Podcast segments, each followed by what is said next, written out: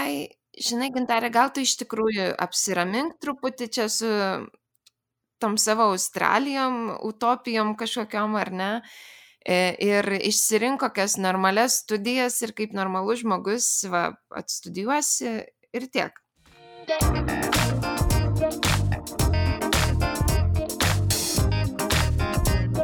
Sveiki, jūs klausotės Mykolo Riomerio universiteto tinklalaidės Tėvų kanalas. Čia dalinamės tėvystės iššūkiais auginant paauglį ir ieškome sprendimo būdų tėvų ir vaikų dialogui. Su jumis kalbuosi aš, psichologė ir lektorė Juratė Bartkevičinė. Ir šiandien mes pakalbėsime, kaip padėti savo vaikams atrasti talentus ir pasirinkti svajonių profesiją. Ir ar iš vis yra ta svajonių profesija. Šiandien svečiuose mes turime pedagogę, muzikos mokytoją, karjeros ugdymo specialistę, karjeros konsultavimo ir informavimo platformos okkarjera.com įkūrėją Evelina Ramašauskaitę Kazilionę. Sveiki ir socialinių tinklų veikėja, tekstų kurėja, keliautoja, tinklaraiščio rūpjūtis.lt autorė Gintarė Krutinytė. Sveiki. Labas. Ką tik nuskambėjo paskutinis skambutis ir prasidėjo egzaminų metas, na ir žinoma, tas didysis galvos skausmas ar klausimas, kągi toliau veikti, kągi toliau daryti, kokią kryptį pasirinkti, kokias studijas pasirinkti, o galbūt pranešti tėvams, kad vis dėlto nenoriu nieko studijuoti ir noriu pasimti laisvus metus, paieškoti savęs, atrasti save.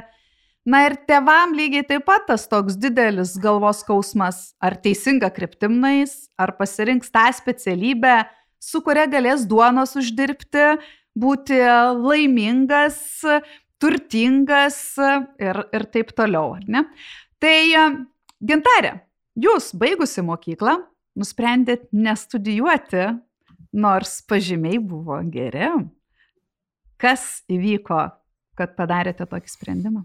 E, aš šitą sprendimą iš tikrųjų priiminėjau ilgą laiką, todėl kad man atrodo, kad mokydamasis mokykloje, tu e, ne tik paskutinį pusmetį, bet kokius paskutinius du metus jauti tokį aplinkos spaudimą, e, nuolat tavęs klausiant, tai ką studijuosi. Nu, 11, 11 klasė, kai pradedi, jau pradeda visa aplinka klausinėti, tai ką studijuosi. Ir aš iš tikrųjų kiekvieną kartą, kai išgirsdavau šitą klausimą, um, neturėjau atsakymo ir man prireikė laiko um, susitaikyti su mintimi, kad aš neturiu atsakymo ir kad tai nėra nieko tokio. Nes um, mokyklai šiaip įpranti, kad jeigu tau užduoda klausimą, tai tu privalai turėti atsakymą kažkokį, nes jeigu jo neturi, tai gausi blogą pažymį. Mm, bet man atrodo, kad mes gyvenime dažnai nežinom dalykų ir yra nieko tokio, kad mes jų nežinom. Tai mano šitas sprendimas ir prasidėjo su pripažinimu, kad aš iš tikrųjų nežinau, ką aš noriu studijuoti. Ir kitas momentas yra, kad mane gal netgi truputį pradėjo erzinti žmonių klausimas, ką studijuosi, nes aš supratau, kad aš turiu žymiai daugiau galimybių nei e, studijos, ar ne, kaip, va, jūs klausėt, ką veiksi. Aš norėjau išgirsti tokį klausimą, e, nes studijos nėra vienintelis pasirinkimas, kurį gali daryti po mokyklos. Tai va, aš pripažindama savo nežinojimą, kad noriu, kad, atsiprašau, tvarkau. E, aš pripažindama savo nežinojimą, ką studijuoti, nusprendžiau ir nedaryti to sprendimo dabar, nes tai yra ganėtinai didelis sprendimas. E, trim ar keturiem metam tu pasirenki gilintis į kažkokią sritį. Ir aš nebuvau tikrai, kurią sritį noriu gilintis. Man mokykloje, nu, beveik viskas sekėsi labai gerai. Ir čia yra vat, vienas tipažas tų vaikų, kuriems yra sunku išsirinkti, nes e, jiems ir po pamokinė veikla visokia įdomi ir patinka ir, ir sekasi, ar ne, jeigu įdedi kažkiek darbo. Tai vat. Mhm, ačiū.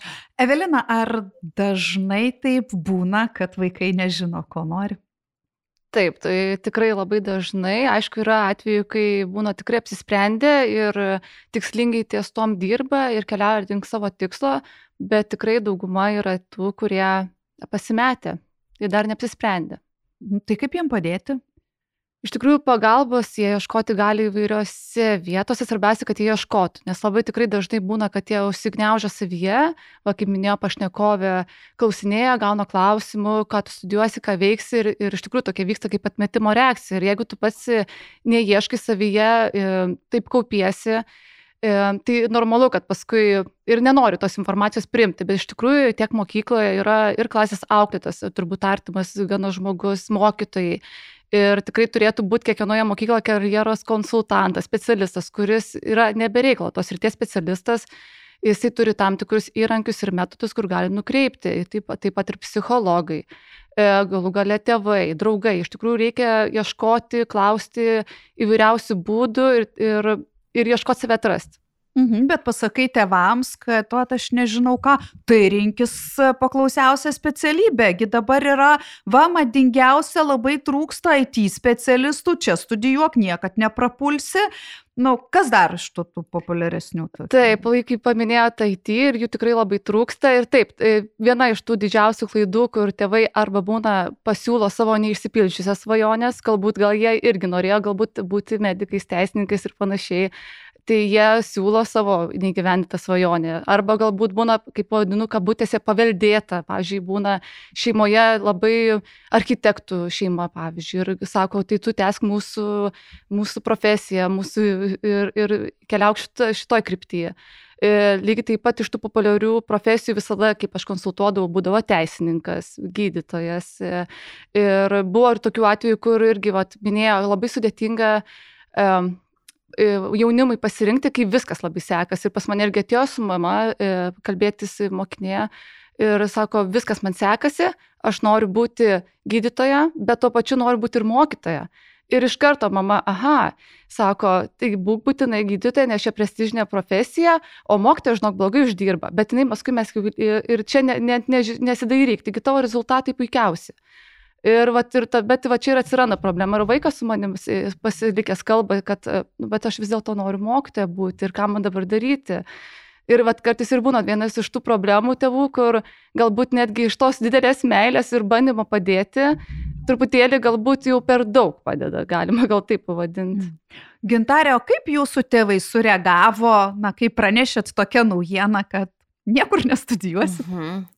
Aš jos ruošiau šitam įvykiui kelis metus, e, vis užsimindama, ar ne, kai manęs mama paklausdavo, nu, tai ką tu galvoji, aš e, atvirai sakydavau, kad aš nežinau ir aš svarstau galimybę, kad e, galbūt galėčiau nestudijuoti kelis metus, ar vienerius, ar dviejus, ar ne. Ir mm, aš jai vat vis užsimindavau, kad mano svajonė yra išvažiuoti į Australiją.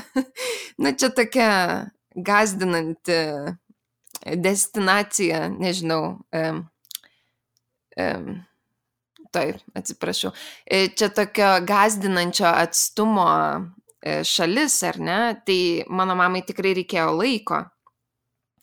Ir jinai iš pradžių pasijuokdavo į mano šitą e, pasakymą, paskui, kai suprato, kad aš rimtai čia, nu, bandė man irgi padėti apsispręsti, kad, nu, gal yra kažkokios studijos čia Lietuvoje, kurias aš vad galėčiau pasirinkti. E, bet aš atsimenu, aš nuvažiavau į tą studijų mugę e, ir jau buvau liktai nusprendusi, kad, ai, žinai, gintarė, gal tu iš tikrųjų apsiramink truputį čia su tom savo Australijom, utopijom kažkokiam ar ne. E, ir išsirink kokias normales studijas ir kaip normalus žmogus va, atstudijuosi ir tiek. E, bet būdama studijų mugėje, aš e, pamačiau stendą siūlantį važiuoti į Australiją.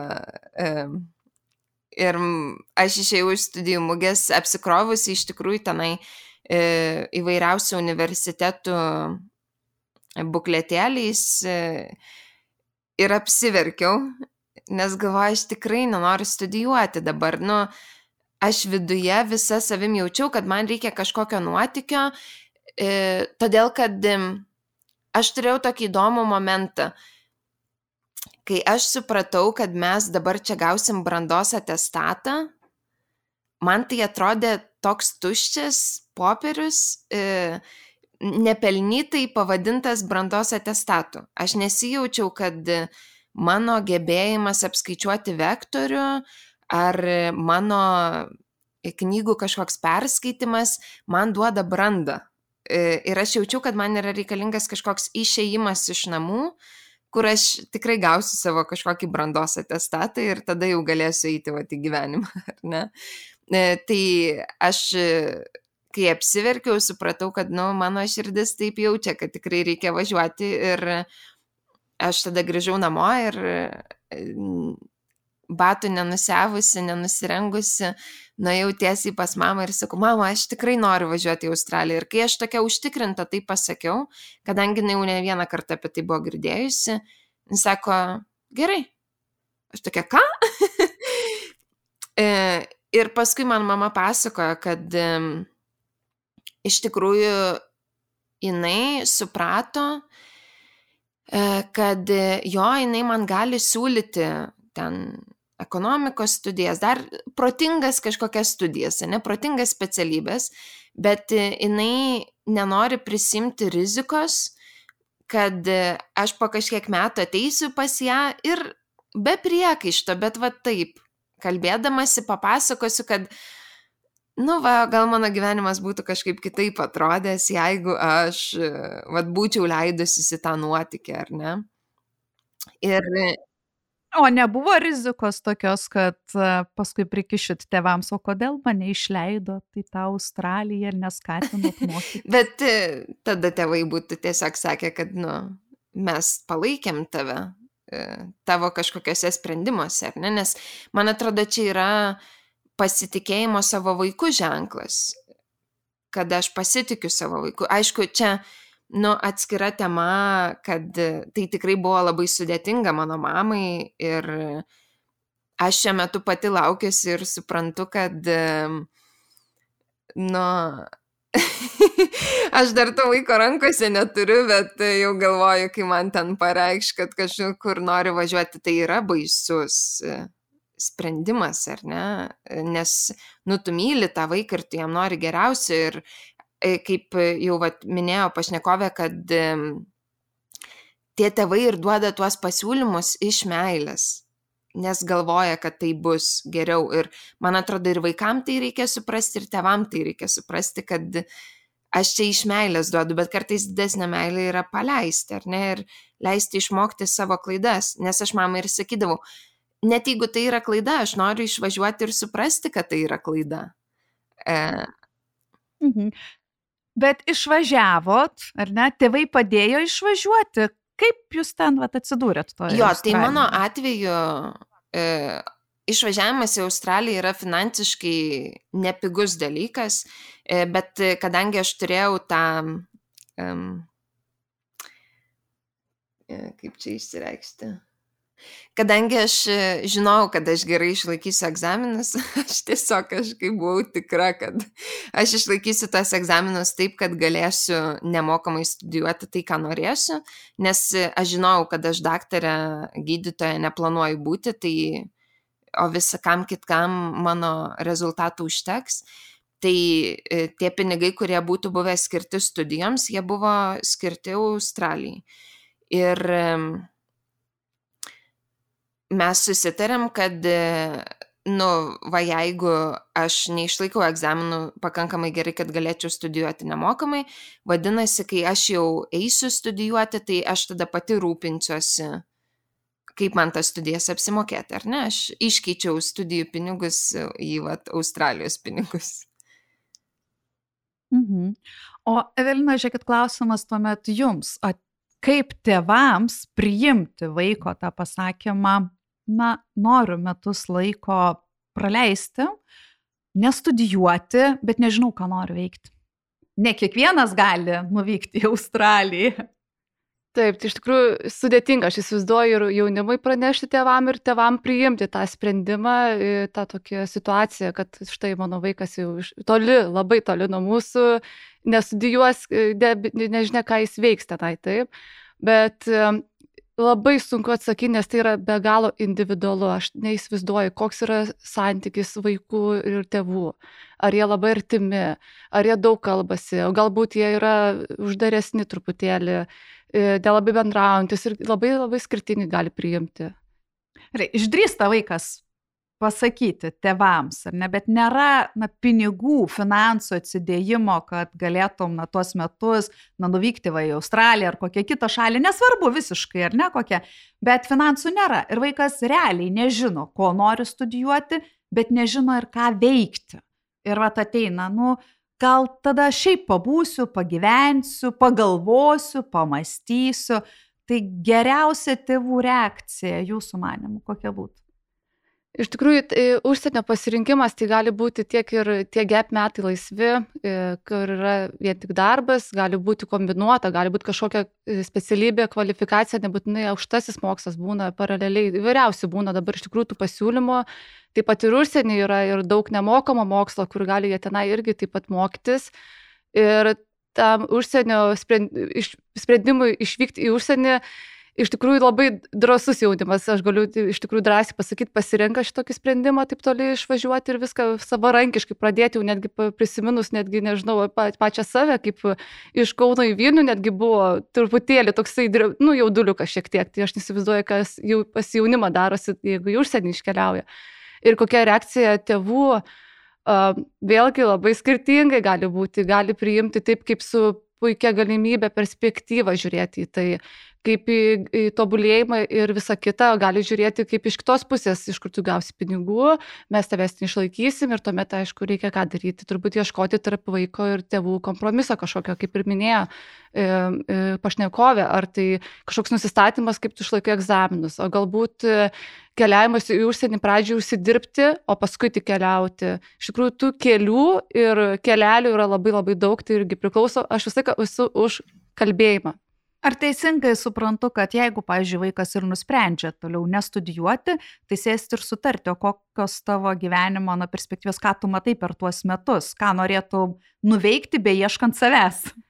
Taip, aš kaip ir pasikartosiu, esu už bendravimą, kalbėjimą ir, ir išsikalbėjimą. Ir galbūt jeigu tam vaikui nepavyksta pačiam nusistatyti tikslų, gal jis nelabai turi gebėjimų arba nelabai apskritai, gal, e, nežinau, pasimetęs labai visur. Jau kai pasimeti, tai turbūt atrodo viskas krenta iš rankų. E, ir iš tikrųjų, jeigu tėvai irgi padarytų tos pačius namų darbus jau kartu su specialistu, bet ir nebūtinai jie gali savarankiškai šeimoje, ir padėtų tam e, savo vaikui, padėti išsikelti tikslus, e, e, uždavinius, galų gale kažkokius vizijas, nu, statytų savo šeimoje, labai skirtingai, kiekvienoje šeimoje turi savo kažkokius tais dalykus. Tai tiesiog bendraut, kalbėti ir, ir stengtis padėti. Bet svarbiausia padėti, o ne liepti kažką daryti.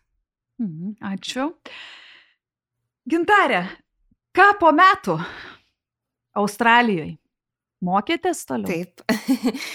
Grįžau į Lietuvą ir e, įstojau į universitetą. Bet e, man norisi dar truputį atliepti va tam, ką jūs kalbėjot.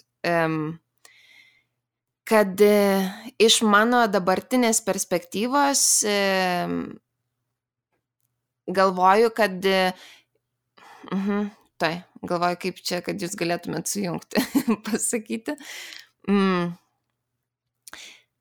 Man atrodo labai svarbu, kad vaikas į šitą gap jerą nežiūrėtų kaip į atostogas. Nu, tipo, aš čia dabar 12 metų atidirbau, e, pasiliksiu pas mamą namuose, kotletukus toliau valgysiu, mama ir tėtis man duos pinigų, ir, o aš sėdėsiu ten ant sofos ir spręsiu, kągi čia man studijuoti, ar ne? Kad man atrodo, kai vaikas tikslingai žino, kad ką jis nori tuo metu daryti, ar ne. E, mūsų susitarimas buvo, mano tėvai sumokėjo už e, kelionę, aš visus tuos metus pati save išsilaikiau, e, dirbau ir tai buvo mano brandos augimas, ar ne? Tai yra išvažiuoti į nepažįstamą šalį, būti taip toli, kad tu negali grįžti savaitgalį, nes tau pasidarė sunku, ar ne, ir dabar imsiu ir mesiu viską.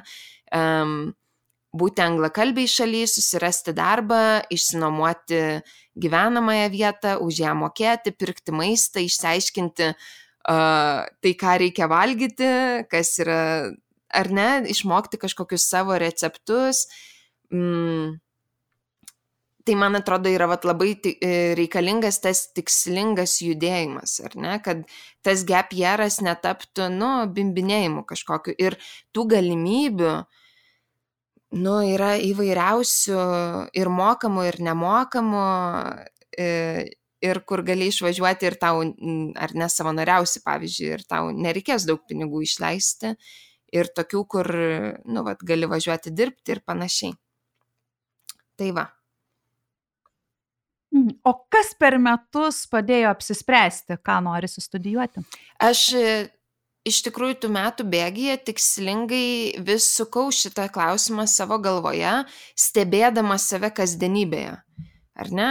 Dirbdama e, ir žiūrėdama tai, kame aš jaučiuosi labiausiai laiminga, įvairiausias knygas skaitydama, e, YouTube video žiūrėdama, ar ne? E, su žmonėmis bendraudama, kadangi aš keliavau, aš, kadangi aš buvau naujoje kultūrinėje aplinkoje, aš ją išnaudojau kalbėjimui su žmonėmis, ar ne? Aš gavau galimybę pažinti begalę skirtingų gyvenimo formuluočių, kur būdamas savo aplinkoje Lietuvoje, aš vis tiek buvau tam tikra prasme apribota e, savo šeimos, draugų, e, ar ne, aplinkoje esančių žmonių vad gyvenimo istorijomis. Aš nežinau, kaip dar kitaip galima gyventi savo gyvenimą. Tai tas išvažiavimas vat, e, per pokalbį su nepažįstamais man davė įvairiausiai išvalgų, bet mm, dabar aš vat, e, kaip tik baiginėjau universitetą ir suprantu, kad e, dabar aš dar kitą dalyką studijuočiau. Kad tas augimas yra, nu, nenustojantis dalykas ir yra nieko tokio keistis, ar ne? Ir studijuoti vieną dalyką, išmokti tam tikrus dalykus.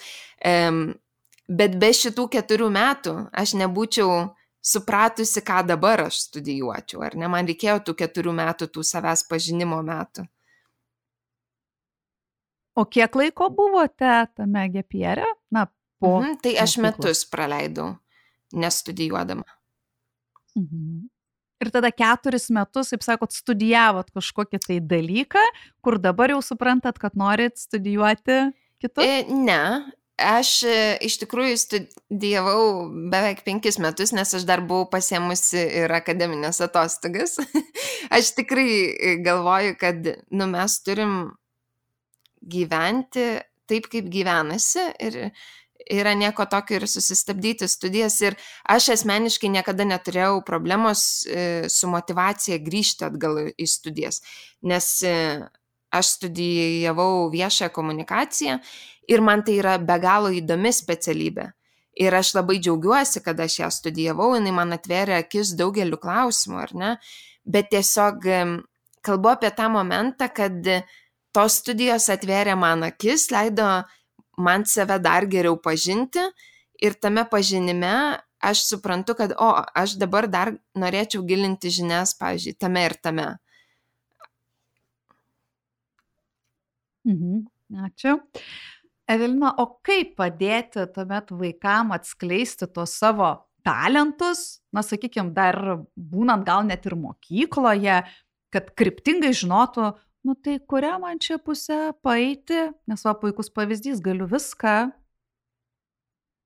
E, taip, iš tikrųjų, reikėtų pradėti savęs ieškoti ne 11, ne 12 klasėje, o gerokai, gerokai anksčiau. Visi mes turbūt pamirštame, kai ateina 10 klasė, pats svarbiausias dalykas, bent jau tas e, formaliam švietime pas mus ūkdyme yra dalykų pasirinkimas, individualus plano sudarimas.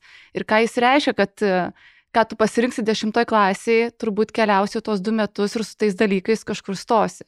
Tai visi va šitas dalykus pamiršta ir paskui 12 klasėje atsitinka taip, kad oi, aš nežinojau, bet ką klasį, dešimtoje klasėje pasirinkau, pasirodo, man reikia istorijos, o aš pasirinkau geografiją, nes mano gražesnė mokytoja fainesnė kokia mm. buvo. Taip, taigi Taip. renkamės ne dalyką, o mokytoja. Labai nuobodu eiti pas mokytoją, Taip. kuri skaito iš vadovėlio, sutikit. Tai, Taip. Ką tuomet viskas dešimtoje klasėje pasirinkau ne tą dalyką ir mano svajonė nuplaukė? Ne visai, bet tada atsirado stresas, ką rinktis, kaip pasivyti per du metus dalyką, nes tu gali keisti dalyką, bet ten irgi yra niuansų mokykloje ir panašiai. Tada kaip pasivyti, jeigu A lygių nori, jeigu tu ir B buvai pasirinkęs. Tada ir visą laiką yra sprendimo būdai, niekada nėra e, blogo pasirinkimo, visą laiką galima viską išspręsti. Tiesiog tai gali arba užtrukti daugiau laiko, arba daugiau E, tiesiog papildomai stresas ir panašiai. Tai... Bet paaugliui daugiau laiko. Tada yra lengviau atsisakyti svajonės. Teisingai. Nu ką, tikrai dažnas ir padaro.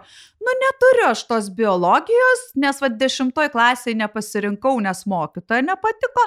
Dvyliktoj suvokiu, kad mane gal ir traukia medicina. Suvokiu, norėčiau, jaučiu empatiją žmonėms ir nenorėčiau juos gydyti. Viskas, traukinys nuvažiavo tuomet ieškau mm. savęs kažkur kitur. Bet ar tas ieškojimas kažkur kitur nereiškia, kad aš atsisakau tikros savo svajonės? E, taip, ir čia yra liūdniausi dalykai tokie, kaip atsitinka, kad e, dėl e, kažkokio tai iš tikrųjų, paskui kaip prisimena jie, netgi kaip jau paauga, baigia kažką, kad tokie menkaverčiai iš tikrųjų šie dalykai, kurie sukėlė tik daug nepatogumų ir iš tikrųjų gali būti, kad net ir savo pametė svajonę ir savo svajonių darbą ir panašiai. Tai vėlgi darbas su tėvais, darbas su specialistais ir, ir, ir sprendimų ieškojimo būdai, kad jeigu kažko nepasirinkai anksčiau, kažko tais gal patingėjai, galbūt galvoji, kad tą savo specialybę pasirinksi dvyliktoje klasėje, čia per anksti man dar rinktis dešimtoje ir dar aštuntoje, yra viskas normalu klysti.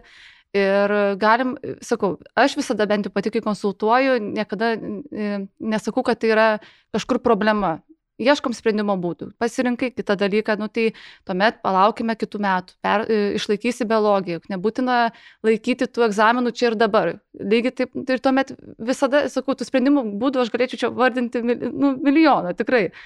Um, Bet kai kurie jų nežino, ar ne? Nežino tų sprendimų būdų ir atrodo, kad, na dėje, kaip aš perlaikysiu antrus metus liksiu mokykloje, gal yra paprasčiau kitaip? Nu taip, tai yra, sakau, labai individualu ir tai reikia daryti ne, ne, ne kuo anksčiau iš tikrųjų. Ir dėl to, ir kaip minėjau, e, reikia nepamiršti, kad yra karjeros specialistai, yra psichologai, yra mokytojai, tėvai, auklėtojai, kurie iš anksto padės e, tau išryškinti interesus, padės netgi tokius paprastus va, techninius dalykus, kaip vadinu, ką pasirinkti. Iš anksto jam papasakot, priminti, aš ne, ne, nes, nesakau, kad jam, tam mokiniui vaikui reikėtų jau e, devintoje klasėje iškart žinot, ko jis nori, bet bent viena ausim e, papasakot, kad jis žinotų, ką dabar veikia dvyliktokai, kokie yra tie reikalavimai. Nes vis dėlto e, karjeros pasirinkimas yra e, žingsnis po žingsnio dalykai. Nėra taip, kad e, atėjau 12 klasę, gavau testatą ir viskas, bet iki to testato tu turi pasirinkti valstybinius egzaminus, lygius, tu turi žinoti, kas vyksta aukštosiuose mokyklose, kokie reikalavimai, iš ko tas konkursinis balas. O dar iki šito reikia nueiti, kad žinotum apskritai, kokią kryptį pasirinkti. Tai čia tam yra ir atsiveria tos visos savanorystės, praktikos, bureliai ir visa kita. Gintarė, jūs devintoje klasėje save atsimenat, galvojot apie tai, ką rinksitės? Kuo būsit užaugus? Uh, ką rinksiuos, e, ne, nežinau, aš galvoju, visą vaikystę tave šiaip lydi tas klausimas, kuo būsi užaugęs, ar ne? Mes labai mėgstam ir mažų vaikų klausti, kuo būsi užaugęs ir ten juoktis, ar ne. Um, tai aš tikrai savęs klausiau nuolat šito klausimo ir aš daug veikiau dalykų, e, kurie galvoju, kad davė man netgi pasitikėjimo nestudijuoti metus, e, kadangi aš žinojau, kad aš turiu gebėjimų, ar ne, galiu E, savanoriauti organizacijose, galiu gerai daryti kažkokius dalykus, galiu, galiu mokykloje gauti gerus pažymius, e, tas vat veiklumas man davė tokio pasitikėjimo, kad, nu, net jeigu aš ir pasimsiu metus pertraukos nuo mokslų, e, tai nesugriaus mano gyvenimo. Aha, o jei pasitikėjimo tokio neturi ir tuomet e, pažymiai irgi nėra jau tokie labai geri, kad galėtum na, bet ką imtis ir siūlyti, bet nerandi, kas tave traukia, kas tau įdomu, ką tuomet? Tai būna ir tokių atvejų, tikrai irgi dažnai, kaip e, studijuoti renkasi pagal, pavyzdžiui, netgi miestą. Sako, aš noriu studijuoti Vilniuje, nesvarbu ką, nesvarbu, nesvarbu kur, svarbu Vilniuje. Yra netgi tokių dalykų, kaip studijuoja universitetą. Vėlgi pamatė kažkur reklamą, išreklamuota, čia reiškia geras, noriu ten, nesvarbu ką. Vėlgi taip pat būna pagal tos visus pasirinkimus dešimtoje klasėje. Sako, buvo konkretus toks atvejis, žinokit, sako, aš pasirinkau tokį, tokį, tokį dalyką, ką pagal šitus dalykus aš galiu mokytis, nes man yra svarbiausia įstoti. Ir Nu, ir, ir tai yra, ne, gal, nežinau, ne, nepasakyčiau, kad nu, problema tai yra, bet vėlgi gal tai čia jo toks kelias pažinti, gal jis ir gyvenis savo dabar tikslą kažkur įstoti, o kas paskui, jisai jau vėlgi mokys, arba mokysis savo klaidų, o galbūt įstos teisingai. Vėlgi auksinės taisyklės nėra, vėlgi yra tyrinėjimas, ieškojimas ir, ir jeigu netgi ir taip atsitiko, kad net ten įstojai, arba iš viso nestoji, tai reiškia, taip irgi turėjo nutikti tam, kad save atrastum. Bet jeigu kartais, vad, nežinai, kur stoti ir neįsivaizduoji, kaip atrasti ir ką veikti tuos metus, tai gal geriau tada stoti bet kur, kur tinka tavo tie pažymiai ir bestudijuojant, bandyti jau save ten atrasti. Irgi gana sudėtingas klausimas ir situacija. Taip, žinoma, taip galima daryti, Bet vėlgi įvertinkime, kad mokslai trunka keturis metus. Prisiminkime, kad yra, susideda mokslai iš sesijų, egzaminų, tikrai nėra kaip mokykloje, gali būti ir sunkesni, ir tikrai yra sunkesni, ir reikia daug naujos atsiranda sritis, dalykai, kuriuos tu mokaisi. Ir jiems reikia laiko mokytis. Ir jeigu tau tas dalykas labai netraukia ir tavęs visiškai, tave demotivuoja netgi, tai tu paskui ir jauti stresą pastoviai, kad tu nenori egzaminus eiti paskaitas, paskui gali atsitikti tokie dalykai kaip mokslo metimas. Normalu, visiškai normalu yra mes mokslus, bet vėlgi prisiminkime, kad jeigu išnaudoji mokinio krepšelį, gali atsitikti tokia bėda, kaip reikės sugražinti valstybei su, už nemokamą mokslą. Ir vėlgi, kiekvienam, sprendi, kiekvienam kelyje pasižiūrėti pliusus ir minususus. Ir jeigu pasiryžai įstoti bet kur, kaip, kaip jeigu tikrai taip atsitiko, nieko tokio, bet tada įvertinkim, kas bus, jeigu taip atsitiks, kas bus, jeigu vienaip atsitiks ir žiūrėti. Gerai, o pasirinkau ten, kur, na, noriu. Tikrai tevams sakau, labai labai noriu va ten studijuoti. Pusę metų studijuoju, laikas egzaminam, kaip sakot, stresas, normalu, stresas mus kai kuriuose vietose ir augina, ir brandina, teisingai, reikia įdėti pastangų, kad pasiektum rezultatą. Ir tuomet atsiranda, hm, aš pagalvojau, čia ne mano. Ne, man reikia pasimti metus laiko ir vat, viską apgalvoti. Tai va čia klausimas abiems, kaip tokią situaciją vertintume? Gal Evelina? Tai e, arba parodo, kad e, tikrai jisai pamatė ir labai laiku pamatė prieš visą dalyką, kada tu gali mest mokslą ir kada tau nereikės gražinti pinigų, jisai viską apgalvojo, netgi apie šitus dalykus ir valio paplot tu turi kitą šansą nemokamai kažkur save, save įstot kažkur.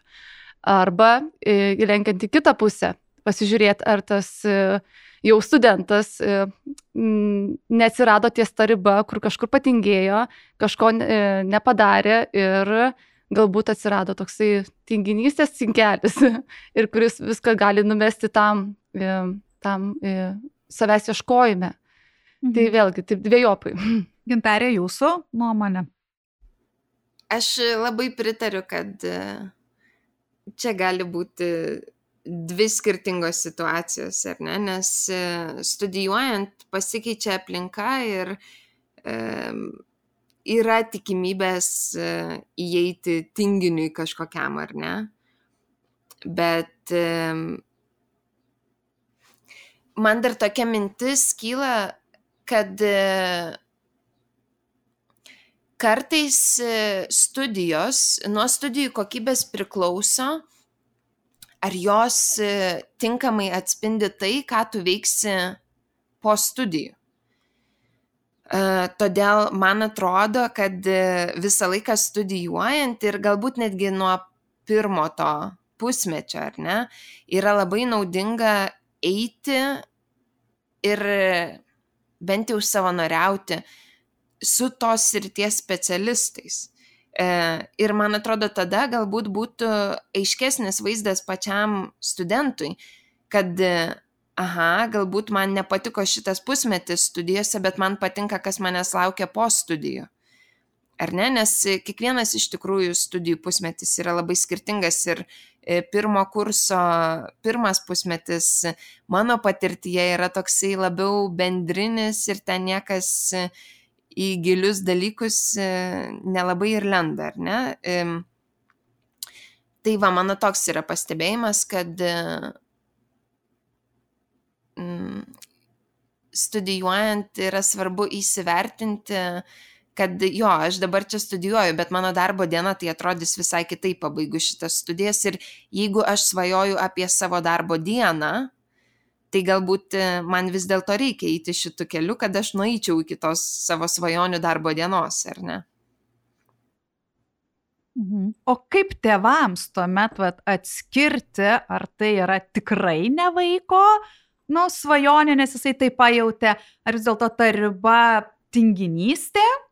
Ir, na, netaip tikėjęs, galvoja, gal biški įdomiau kažkas bus, netaip dėstytojai sudomino. Ir nežinau, kurį atsakys, gal pradėjau kalbėti. Mm, vėlgi, labai sudėtingas klausimas, aš dar pati nesu mama, nežinau, nežinau kaip reaguočiau ir ką sakyčiau, nors ir būdama šios ryties kaip ir konsultantė, iš mamos pusės labai sunku kalbėti, bet aš manau, kad svarbiausia yra palaikymas ir, ir bet kuris sprendimas, kuris atsitiko, nesvarbu ar tenai jisai nusprendė vieną dalyką pakeisti, ar čia tingėjimas ar netingėjimas, aš manau, kad reikėtų palaikyti ir, ir kiek galima padėti ir jisai tik tokiu būdu eis pirmin. Nes jeigu dar ir gal jis iš tikrųjų yra pasimetęs. Ir jeigu dar ir tėvai pridės, kad tu čia, tu meluoji, tu tingi, tu eik ir daryk, o jis iš tikrųjų gal tikrai jaučia širdim, kad, nu, ne, ne mano sritis. Tai aš visą laiką esu už, vėlgi pasikartosiu, kalbėjimo, bendravimo, palaikymą. Mhm. Bet jeigu, nu, nusprendžia gerai, tai pasimk tą GPR, tai turbūt jau nebe ant sofos pas tėvelius.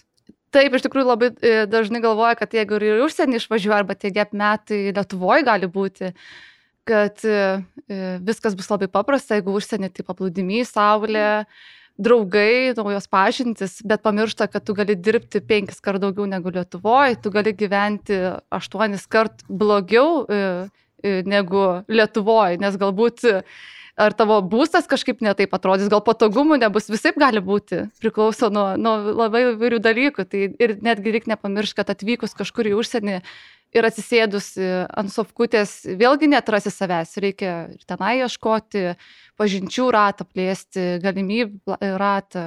Įvair, vėlgi vairias veiklas tyrinėti, nes užsidarius bendrabutį arba kambarį tikrai savęs netrasi. Turbūt žaidžiant žaidimus arba einant na, į paslaugų tik tai sektorių prastumti metus, Taip. turbūt sunku save atrasti teisingai. E, manau, kad tikrai taip ir vėlgi, kad vien faktas, kad tu esi užsienį ir save atrasi, tai neįrodo, tikrai neparodo, kad tai tikrai save atrasi, bet irgi tenai atvykus reikia irgi įdėti pastangų. Kad ir Lietuvoje, ir Lietuvoje galime, Lietuvo. ar ne, ir na, pasiimti save. ir nieko, tarsi nieko neveikti, leisti tuos metus savęs paieškose. Ne? Tai čia turėtų taip. būti labai aiškus susitarimai ir tėvams, kad jeigu tu jau ieškai, tai tu tampi saugęs žmogus, kaip gintarė, ar ne, jau saugęs žmogus ir pats susirandi darbą, išlaikai ir pajauti, ką reiškia būti, na, nebe studentu, ar ne? Kad tas toks dalykas leistų plačiau pažvelgti ir pamatyti gyvenimą savo paieškose. Tai, Gintarė, ką palinkėtumėt tėvams?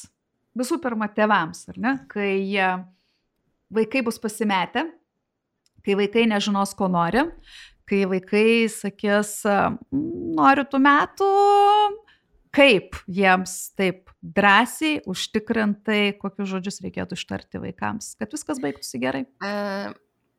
Kelių dalykų man noris palinkėti. Pirmas tai yra stiprybės, nes aš įsivaizduoju, kad tai yra labai sudėtinga ir nu, visi tėvai nori savo vaikam geriausio, ar ne? Ir e, pasaulis labai greitai keičiasi ir yra labai sunku suprasti, kas bus geriausia mano vaikui, kuris yra visai kitos kartos negu aš, ar ne? Um, kitas dalykas tai yra pasitikėti savo vaiku, e, kad jis galbūt ir darys klaidų, ar ne, vaikui yra svarbiausia.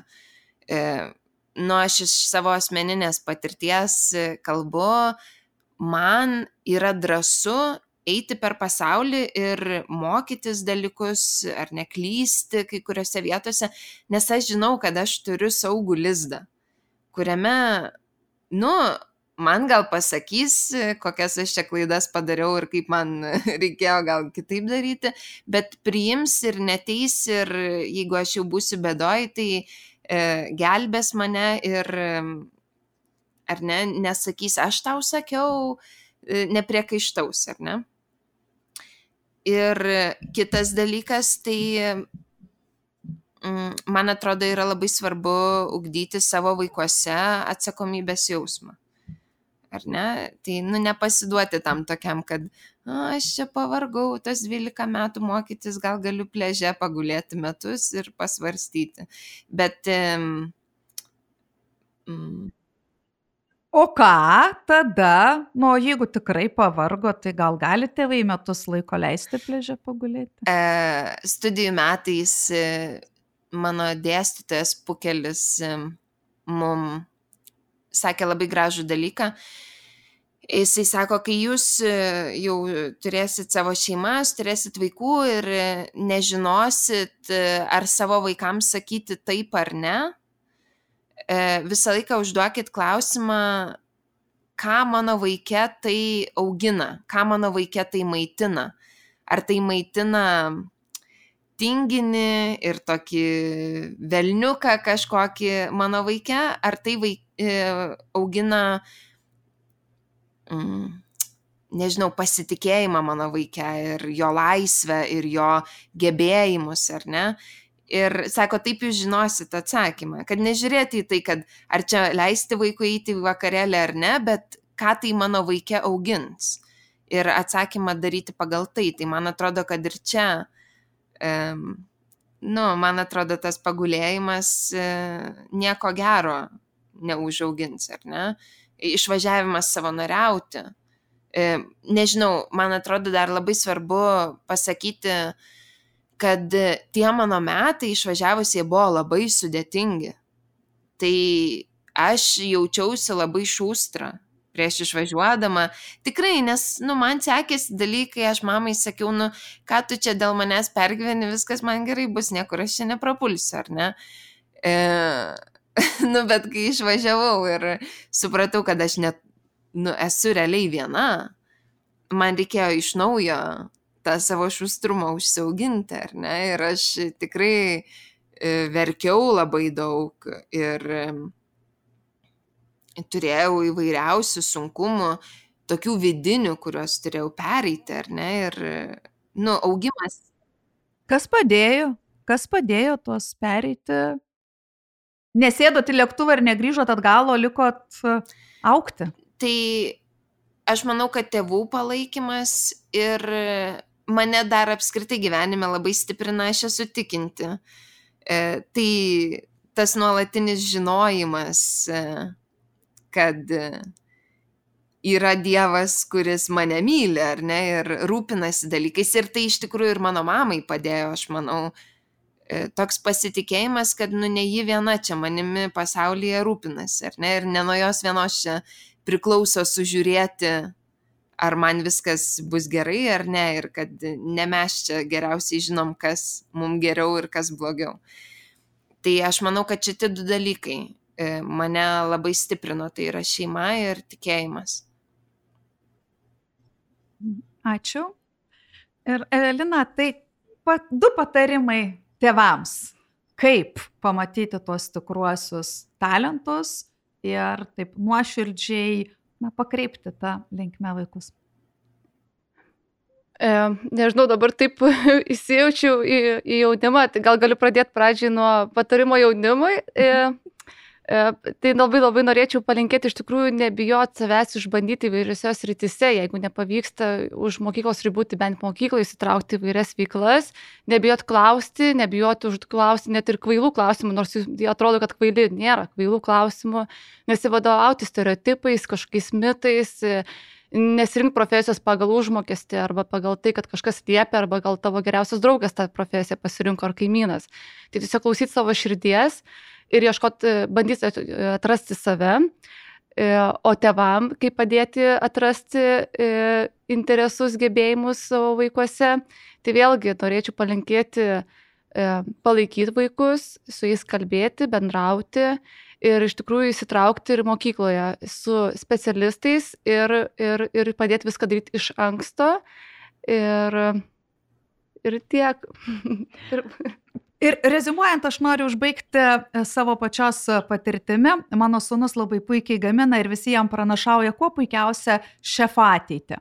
Jam yra aštuoneri metai. Ir kai aš jam sakau, tai os tai būsiu užaugęs šefas, kodėl turėčiau na, sakau, tu puikiai gamini, o galiu būti tuo, ko noriu būti. Sakau, žinoma, o ko noriu būti, dar nesugalvojau. Tai, tai manau, kad kiekvienam galbūt ateina laikas, ieškant, bandant, klystant, galbūt ar ne, bet atrasti tos savo talentus svarbiausia turėti palaikymą. O tėvai ir yra tam, kad pasitikėtų savo vaikais, neleistų jiems, ar ne, ieškoti tų neigiamų nieko neveikimo, nedarimo ir neišbandymų gyvenimo, taip, bet kad visada žinotų, kad ir kas bet atsitiks, kad ir kokį sprendimą jie pasirinks, tėvai visą laiką bus šalia ir bus tie, kurie nesmerks, bet palaikys. Nebijokime, kai vaikai pasiema tas pačias pertraukas, pertraukos gali padėti sustiprėti, tik svarbu, kad tose pertraukose jie veiktų, darytų, o nesėdėtų ant tos pačios sofkutės ir, kaip sako, nevalgytų kotletukų, mamytės iškeptų. Tegul išmoksta kepti patys. Ir gal bus tai labai gera gyvenimiška pamoka. Ačiū, kad klausėtės Mykolo Riomerio universiteto tinklalaidės Tėvų kanalas. Šiandien su karjeros ugdymo specialiste, karjeros konsultavimo ir informavimo platformos okkarjera.com įkūrėja Evelina Ramašauskaitė Kazilionė ir socialinių tinklų veikėja, tekstų kurėja, keliautoja, tinklaraščio rūpjūtis.lt autorė Gintarė Krutinytė kalbėjome apie tai, kaip padėti gyvaikams atrasti talentus, pasirinkti svajonių profesiją ir žinoma, nebijoti suklysti. Ačiū, kad klausėtės. Aš esu Iratė Bartkevičinė ir kviečiu atrasti daugiau tinklalaidės Tėvų kanalas epizodų Mykolo Riomerio universiteto YouTube, Spotify, iTunes platformų kanaluose, taip pat universiteto interneto tinklalapyje www.mrūne.eu. Prenumeruokite ir apie naujausius epizodus sužinokite pirmieji. Iki kito karto.